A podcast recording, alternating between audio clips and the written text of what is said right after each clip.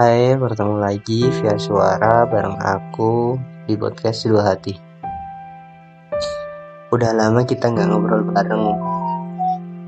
Minggu ini gimana? Atau bulan ini gimana? Udah sebulan lebih kita nggak bercerita bersama. Mungkin ada kisah-kisah menarik dari kalian. Tapi ada satu hal yang membuatku rindu, namun hanya sebatas angan. Seperti puisi yang akan saya bacakan, sebatas angan. Teruntuk kamu yang kukagumi, entah bagaimana rasa ini harus terungkap. Semua hanya berketamuk dalam hati, tanpa mau keluar dalam gelap. Aku mampu berkata, namun hanya dalam sunyi.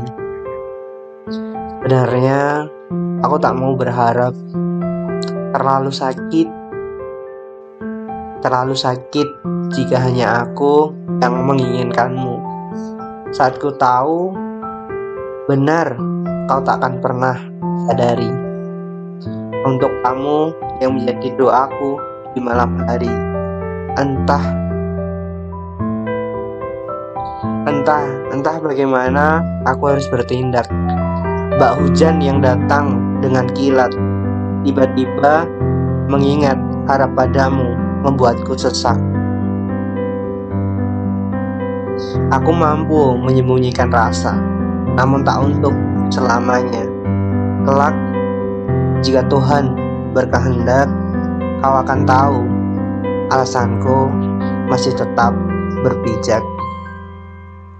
Gimana?